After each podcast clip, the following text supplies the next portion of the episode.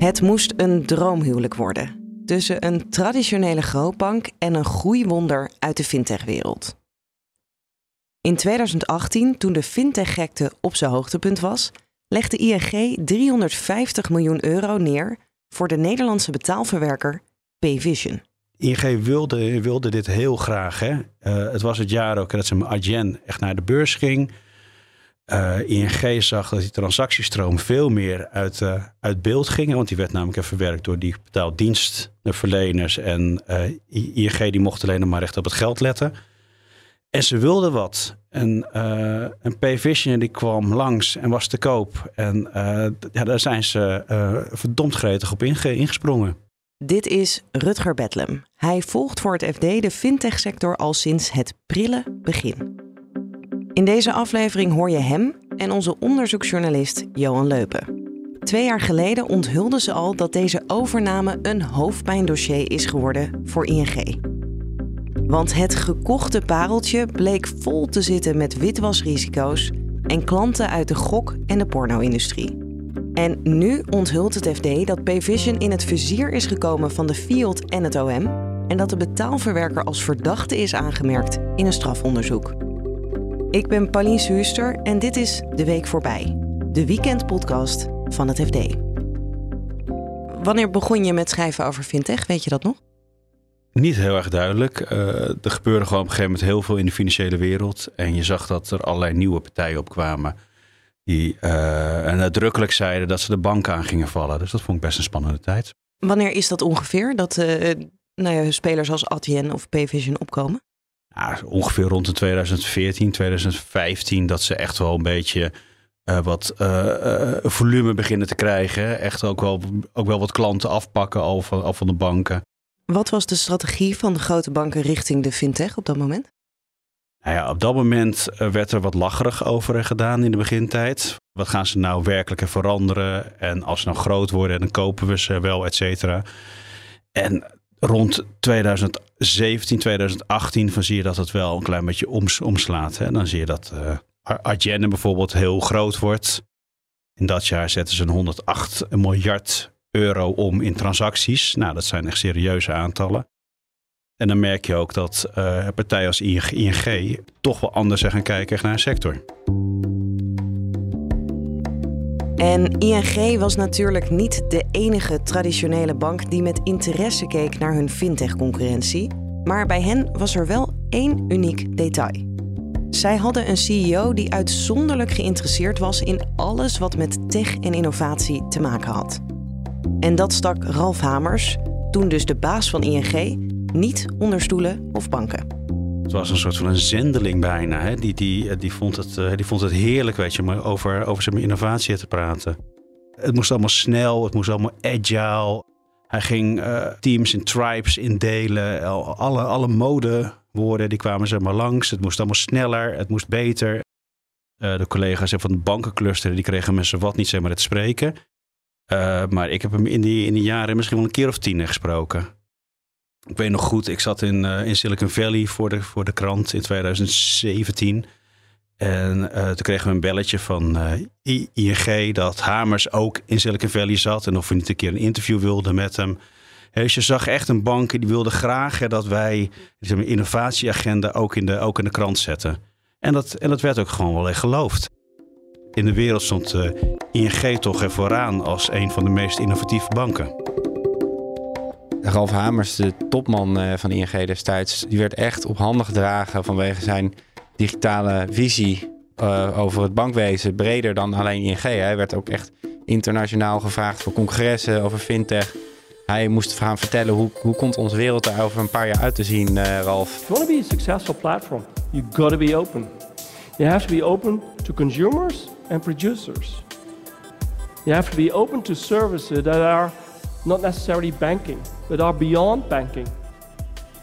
You have to be open if you really want to be a credible platform that customers come to for financial services.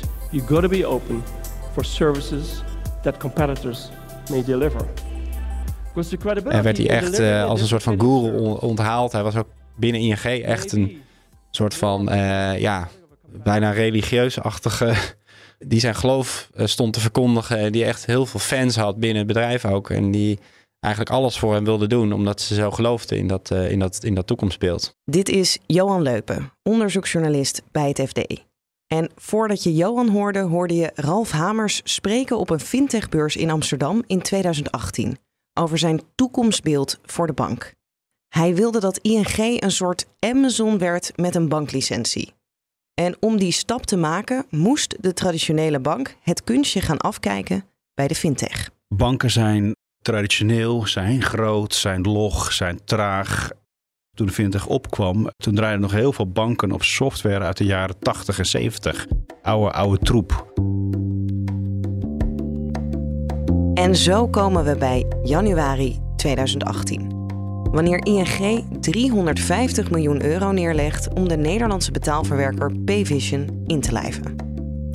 Ralf Hamers, CEO van ING, sprak een videoboodschap in om zijn nieuwe medewerkers te verwelkomen. Wederom sprak hij in het Engels. Hi everyone. Today is a special day. It marks the start of what will be a long, close and mutual beneficial partnership between ING and Payvision. I'm very excited about this and I know my ING colleagues are very excited about this as well. En het bleef niet bij die videoboodschap. Het nieuws werd groots gevierd. Payvision en ING gingen samen de beurs openen.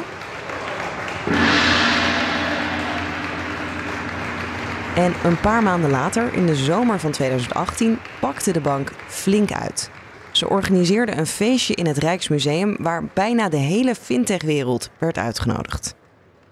De eregast is inmiddels aangemerkt als verdachte in een strafonderzoek van het OM, want dat was de oprichter van Payvision, Rudolf P.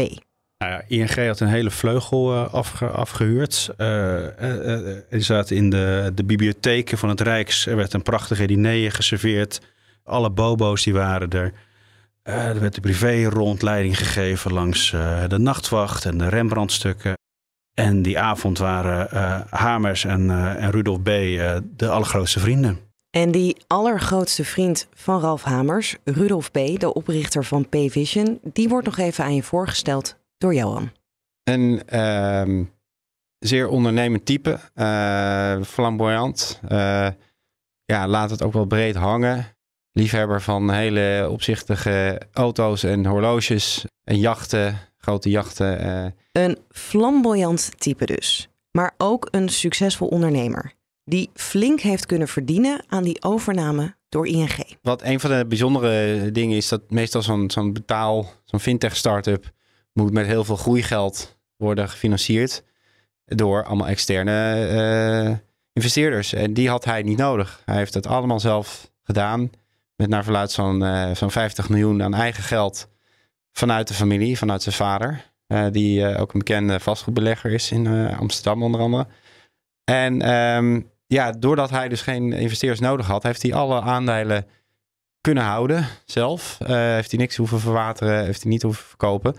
En toen hij eenmaal zover was dat hij met ING een deal ging maken, toen kon hij ook echt bijna het hele bedrag wat ING wilde betalen, namelijk die 350 miljoen, kon hij bijna helemaal naar zichzelf uh, toe halen. Dus dat is echt een ongelooflijk uh, lucratieve deal geweest voor meneer B. Ja, klinkt ook wel als iemand die daar nee, een beetje over zou opscheppen dat hij dat heeft geregeld.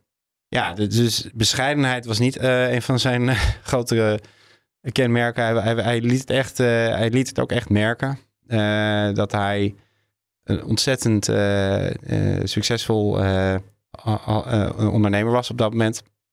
Dus het werd ook meteen een nieuwe Ferrari aangeschaft. En dat, kon ook, dat mocht iedereen ook zien. De, de dealer werd besteld naar, bij het bedrijfspand in Amsterdam, bij de grachten. Gordel, kwamen ze dan die auto voorrijden. En daar had hij allerlei configuraties besteld.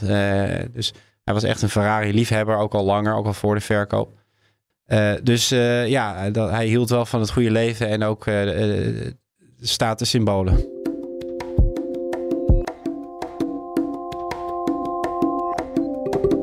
Het leek dus een win-win situatie, het huwelijk tussen ING en Payvision. Oprichter Rudolf B. sloeg er financieel een slaatje uit. En ING had met de inlijving van de betaalverwerker een stap gezet richting de toekomst. Nou, zij wilden eigenlijk een center of excellence maken van uh, dit bedrijf. En ook een beetje een soort digitale rolmodel voor de toekomst uh, ervan maken. Dus eigenlijk uh, de behendigheid en de, de efficiëntie van de technologie, dat moest eigenlijk uitgerold worden over heel ING. En ze wilden ook gewoon hele grote klanten zoals Ahold, ze wilden ze ook gaan bedienen met Payvision. Dus het moest eigenlijk een beetje een soort van rolmodel doen, worden. Voor, zo, zo gaan we voor al onze klanten werken. Dat was eigenlijk een beetje het, uh, het plan. Terwijl de overname feestelijk gevierd wordt, zijn er bij Payvision grote problemen. En in de fintech-sector zagen ze die al aankomen. Want daar stond de Nederlandse betaalverwerker niet zo goed bekend. Toen die deal weer gesloten werd met ING, werd ik al vrij snel benaderd. En van mensen uit mijn, uh, ja, dus uit mijn netwerk ja, dan moet je echt eens, echt eens een keertje naar kijken naar die deal. Want het is een hele rare deal. Het is een partij die grote, die grote risico's neemt. En toen zijn wij zelf ook in dit verhaal gedoken als FD. En hebben we ook uh, laten zien dat ze eigenlijk heel diep in uh, het gokwezen en uh, pornohandel zaten. Wat toch wel op dat moment wel behoorlijk wat wenkbrauwen deed fondsen. Dat, dat zo'n keurige bank als ING zich daarmee zou inlaten en ook nog zo ontzettend veel geld zou betalen om, om in ja, precies die sectoren actief te kunnen worden. Dus er waren toen al wat uh, behoorlijk wat uh, barsten zichtbaar in het, uh, in het droomhuwelijk wat, ze, wat ze hadden verkocht aan de buitenwereld. Hè, van een fintech huwelijk wat ING ook helemaal het nieuwe tijdperk in gaat leiden. Amazon zon, met, een, met een banklicentie. Dat, ING was eigenlijk geen gewone bank meer. Dat was een beetje de perceptie. En dit hielp een beetje in, uh, om, om dat te bewijzen, deze deal. Het gekke is, uh, we zijn nu echt een vier jaar verder. En ik heb nog geregeld als ik een kopje koffie drink met iemand dat deze deal weer naar boven komt. En wat zeggen ze dan? En dat nog steeds niemand snapte waarom ING zoveel geld heeft uitgegeven voor zijn partij die, die zulke uh, aparte dingen deed. Zo'n driekwart van het klantenbestand van Payvision zat in de schimmigere sectoren. Porno, gokken, crypto's, hoogrisicosectoren qua witwassen. En dat betekent dat die controles extra sterk moeten zijn. Nou, je moet in ieder geval even platgeslagen. Je moet gewoon weten wie is de UBO, wie is de eigenaar, de uiteindelijke belanghebbende eigenaar. Waar is die gevestigd? Je moet een paspoort hebben. Je moet weten waar, waar verdienen ze hun geld mee. Je moet ook financiële data hebben erover. Je moet echt, echt verdiepen in je klant. En, en je moet ook dat blijven checken. Dus je kunt niet alleen aan de voorkant even, zoals met een hypotheek. Oké, nu, nu kom je hier voor een aanmerking. Nou, dan kijken we verder niet meer naar om. Je moet met, met name deze klanten die hoog risico, moet je echt, echt jaarlijks of, of nog vaker blijven checken. Zijn ze nog steeds van dezelfde UBO? Doen ze nog steeds wat ze uh, toen verteld hebben? Of zijn ze opeens helemaal iets anders gaan doen? Want dat zie je dus ook vaak. Hè? Dat wisselt allemaal. De naambordjes veranderen, de activiteiten van de websites veranderen. Moet je allemaal heel goed bijhouden. En dat is ook de reden waarom ING zelf zich niet inliet met pornoklanten.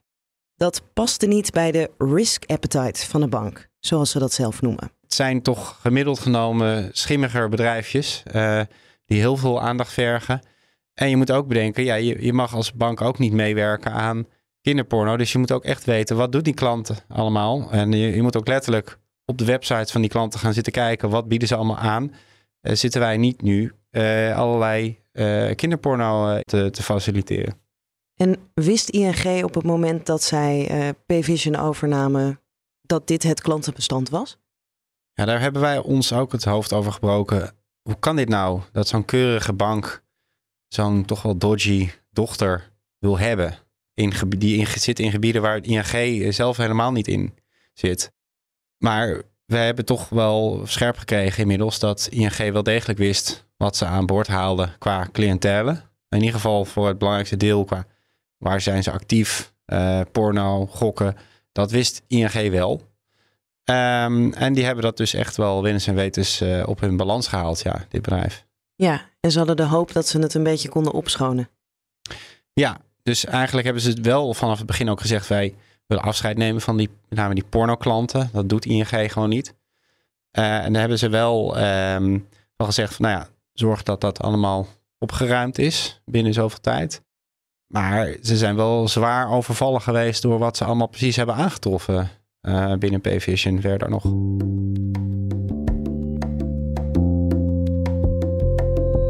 Want binnen Payvision bleek er wel meer mis te zijn dan alleen klanten uit schimmige industrieën.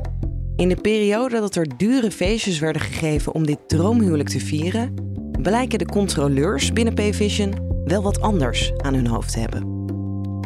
Parallel aan die, die enorm euforische stemming aan de top, uh, zie je op de werkvloer toch wel dat het uh, chaos is, met name op het gebied van klantcontroles. Dat was toen op, bij Payvision ook nog niet zo breed bekend. Maar de mensen die echt de compliance deden, de know your customer systemen en de transactiemonitoring, die wisten wel van ja, we hebben het niet goed onder controle. We hebben allerlei klanten met problemen. Uh, onze systemen laten die telkens weer door. En we hebben ook mensen die, die expres zelfs wegkijken. Die, die uh, weten wel dat het niet klopt, maar die, die uh, gaan toch door met die klanten. Ja, want wat gebeurt er dan als zo'n toezichtafdeling van Payvision zegt: hey, hier zit een klant. Het is niet helemaal zuiver. Ja, je ziet dat er wel pogingen worden gedaan om te escaleren binnen Payvision. Dus er worden allemaal rode vlaggetjes geplaatst bij klanten. Van ja, die heeft een we weten eigenlijk niet wie de eigenaar is van dit bedrijf. We weten niet uh, wat ze precies doen. We, we, we, begrijpen niet waar ze hun geld vandaan halen. Ze verdienen heel veel geld, maar hoe? Geen idee. Of ze duiken bijvoorbeeld op, uh, op allerlei fraudelijstjes of slechte recensies op de website. dus er zijn dan allerlei zorgen. Die worden dan ook wel intern gedeeld. Soms zeggen ze ook van dit is misschien wel fraude. Ik maak me hier druk over, over deze client. Deze merchant, zoals ze dat noemen. Maar dan zie je dat intern toch heel vaak dingen worden weggewuifd, gladgestreken. We gaan gewoon door. We gaan deze mensen er niet uitdonderen. We willen gewoon door met de business. Dat is iedere keer het patroon toch wel wat je, wat je ziet. En vanuit wie komt die boodschap dan? Dat ze maar gewoon door moeten gaan, ondanks het risico? Van de oprichters zelf. Um, we zien dus ook dat Rudolf B. herhaaldelijk zegt, uh, als, als mensen naar hem toe komen met, met, met zorgen en vragen van kunnen we hier wel mee verder, dan zegt hij uh, juist regelmatig, zegt hij ja, dit is wel oké en uh, je hoeft deze checks, kun je achterwege laten. Um, als zij dus hun zorgen uitspreken en ook zelfs willen klanten willen beëindigen, de relatie willen beëindigen, dan gaat hij ervoor liggen in een aantal gevallen ook. En dit beeld dat Johan schetst, dat de oprichters moedwillig wegkijken en witwascontroles verwaarlozen, zie je ook terug in een vernietigend rapport van de toezichthouder, de Nederlandse Bank. Een rapport uit 2020. En die schetsen toch een beetje een soort van cowboy-achtige cultuur. Van um, er is wel een, een apparaat van mensen die moeten zorgen dat de klanten gescreend worden en dat, ze, dat dat net de klanten zijn. Maar als de dingen dan, als er allerlei rode vlaggen opduiken, van we weten eigenlijk niet wie de eigenaar is. We weten niet wat, wat ze precies doen. Uh, ze voldoen niet hieraan of daaraan. Dan blijkt toch uh, de cultuur zo dat heel vaak die dingen gewoon werden weggewuifd. Van ja, maakt niet uit. Uh, wat lossen we gaandeweg wel op of het lost niet op. dus er werd ook gewoon actief weggekeken. Het was niet alleen dan een chaos. Het was ook soms expres gewoon moedwillig je niet houden aan de wet. je weet gewoon dat een klantdossier niet op orde is. Maar toch ga je ermee verder en ga je daar geld mee verdienen. Ja, waren ze dan niet bang voor de risico's dat ze gepakt zouden worden? Nee, het lijkt erop dat ze zich dat ze in sommige gevallen heel bewust gigantische risico's hebben genomen. Om dat bedrijf zo groot te maken en zo winstgevend. In 2020 verlaten de oprichters het bedrijf. Ze worden uitgekocht en ING zet eigen bestuurders neer om orde op zaken te stellen. En eind vorig jaar, 2021 dus, werd het besluit genomen om helemaal de stekker uit Pvision te trekken.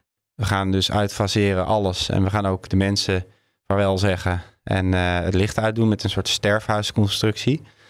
Uh, dat heeft toen ook al best wel intern voor wat commotie uh, gezorgd. van je wordt gewoon afgedankt. maar ze hebben geprobeerd het ordentelijk ja, te ontmantelen, het bedrijf. En ze dachten, denk ik toch, van ja, dan kunnen we daar gewoon een streep onder zetten. En dat blijkt nu dus niet mogelijk. Je kunt, kunt niet zomaar afscheid nemen van dit hoofdpijndossier. Dat ING nu onder vuur ligt wegens het verwaarlozen van witwascontroles bij hun dochter Pvision is extra pijnlijk als je bedenkt dat ze eind 2018, dus het jaar van dat droomhuwelijk, ze nog voor 775 miljoen euro moesten schikken met het OM. over hun eigen witwascontroles die niet op orde zouden zijn. En dan is er dus nu weer een strafzaak, waar ING dan wel geen verdachte in is, maar hun 100% dochter wel. ING zelf is wel, uh, is wel ja, 100% moederbedrijf en hebben dus wel zeker echt blootstelling hieraan. Het is ook uh, een reputatieprobleem voor ze. Ze hebben al natuurlijk een megaschikking wegens falende witwascontroles gehad. En om nou nog een keer zo'n zaak te hebben bij een dochter is echt zeer pijnlijk voor ze. Is mogelijk ook uh, uh, materiaal voor weer een nieuwe schikking. dat weten we nog niet. Maar dat sluiten wij in ieder geval niet uit dat het, dat het daarop uit gaat draaien. Natuurlijk hebben we ING gevraagd om een reactie op dit nieuws. Je hoort van Johan wat de bank heeft geantwoord. Ze bevestigen eigenlijk dat, uh, dat er inderdaad een strafzaak loopt nu. Een onderzoek naar Payvision, hun dochter. Uh, ze zeggen ook erbij, ING is niet verdachte in dat onderzoek. En uh, ze hebben er nog een, beetje aan een raadselachtig zinnetje aan vastgeplakt. Namelijk, ze gaan natuurlijk nooit echt inhoudelijk in op dit soort kwesties als, als je onderwerp bent van een onderzoek, dan moet je eigenlijk gewoon stil blijven. Maar wat ze er nog wel even aan toevoegen, heel fijntjes, is dat zij hebben begrepen dat dit onderzoek zich richt op zaken die hun oorsprong hebben in de periode voordat ING betrokken raakte bij Payvision. En dat is dan even ja, de vraag voor ons van wat, wat staat hier nou precies? Uh, de zaken die hun oorsprong hebben uh, in een periode voordat ING uh, eh, betrokken raakte. Maar ja, ze, wij hebben zelf al opgemerkt van dat het, het, onderzoek gaat gewoon tot en met 2020 speelt dat. En ING is dan al bijna twee jaar eigenaar van het bedrijf. Ja, dus de vraag is even of dit een spel met woorden is dat het al voor de 2018 begon of dat er na 2018 niks geks meer is gebeurd. Ja, kijk, dat je kunt zeggen dat dingen gaan over uh, dat ze uh, dingen hun oorsprong hebben in het verleden. Ja, dat is meestal zo met, met dingen. het zegt niet zoveel. Het is natuurlijk eigenlijk een manier om toch impliciet een beetje te wijzen naar de vorige eigenaren van dit bedrijf. Om toch te suggereren dat daar de, focus ligt. En dat die vooral de, de strafbare dingen hebben gedaan. Dat is een beetje de suggestie, zonder dat ze het echt zeggen natuurlijk. En uh, inmiddels hebben we ook een reactie van Rudolf B. Wat zegt hij hierop dan? Is dit niet waar? Is dit niet gebeurd?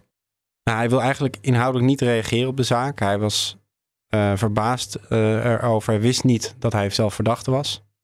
Uh, het enige wat hij kwijt wil is eigenlijk is dat, dat hij zelf nooit gehoord is door de toezichthouder over wat dan ook. En terwijl de toezichthouder natuurlijk wel vernietigend heeft geoordeeld over zijn bedrijf, zoals wij nu weten. Niet alleen juridisch, maar ook financieel bleek het een slechte deal voor ING. Baas Ralf Hamers hoopte de fintech-mentaliteit binnen te halen en de grootbank op te schudden.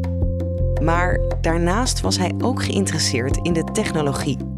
En daar bleek het bij Payvision, net zoals de witwascontroles, aan te schorten. Nou, ze hebben altijd gezegd, we kochten klanten, maar we kochten ook vooral de technologie en de mensen en het talent. Uh, dat is natuurlijk wel vaker hoe je een overname kunt verantwoorden. Uh, maar het geval is toch gebleken dat uh, ING niet zulke unieke technologie in handen had.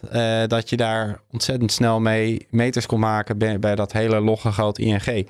Want uiteindelijk hebben ze toch heel veel van die systemen en werkwijzen, et cetera, en processen niet kunnen meenemen naar de grote bank. En hebben ze toch gewoon alles af moeten schrijven, eigenlijk wat ze, wat ze erin gestoken hebben. En ze hebben ook nog heel veel geld betaald om dat te proberen te integreren met, met ING. Wat uiteindelijk allemaal toch uh, helaas weggegooid uh, geld uh, is gebleken. Dus het is gigantische kostenpost, gigantische flop ge geworden. Ja. Financieel. De aankoop van Payvision kostte ING in 2018 dus 350 miljoen euro. Een bedrijf dat ze nu af laten sterven en waar een strafonderzoek naar loopt. En inmiddels hebben ze ook al meer dan het aankoopbedrag, zo'n 400 miljoen euro, moeten afschrijven. Ja, dat is maar het, uh, hetgeen wat af, afgeschreven is. Zeg maar, dan vergeet je integratiekosten, vergeet je advocaten, vergeet je de, de technologie, al dat soort zaken. dus ja, de schadepost is veel en veel groter dan dat. Ja, Heeft het ze ook iets opgeleverd? ING? ja, nou ja, ze hebben er wel lessen uitge, uitgetrokken, denk ik. Ik heb een, uh, een jaar geleden nog met een nieuwe innovatiebaas gesproken. Het werd toch wel duidelijk dat de bank een, een veel rustigere koers vaart. Hè? Dat ze veel meer uitgaan van wat ze zelf kunnen. En veel minder uitgaan van wat anderen um, aan hun kunnen verkopen. Uh, uh, er zijn honderden ja, van die samenwerkingen gestopt inmiddels met die fintech-bedrijven. Je merkt gewoon dat een grootbank en een fintech, die combinatie is gewoon heel lastig. En ING heeft daar ja, een vrij dure prijs voor betaald. Ja. Hebben ze er dan ook spijt van? Gaan ze zo ver om dat te zeggen? op dit moment heb ik dat niet, nog niet mogen horen van ze. Dit was hem voor deze week. Bedankt voor het luisteren. Wil je meer lezen over Payvision en ING? Kijk dan in de show notes. Daar vind je linkjes naar de verhalen van Rutger en Johan. Als je deze podcast leuk vindt, deel hem dan met je vrienden en abonneer je ook.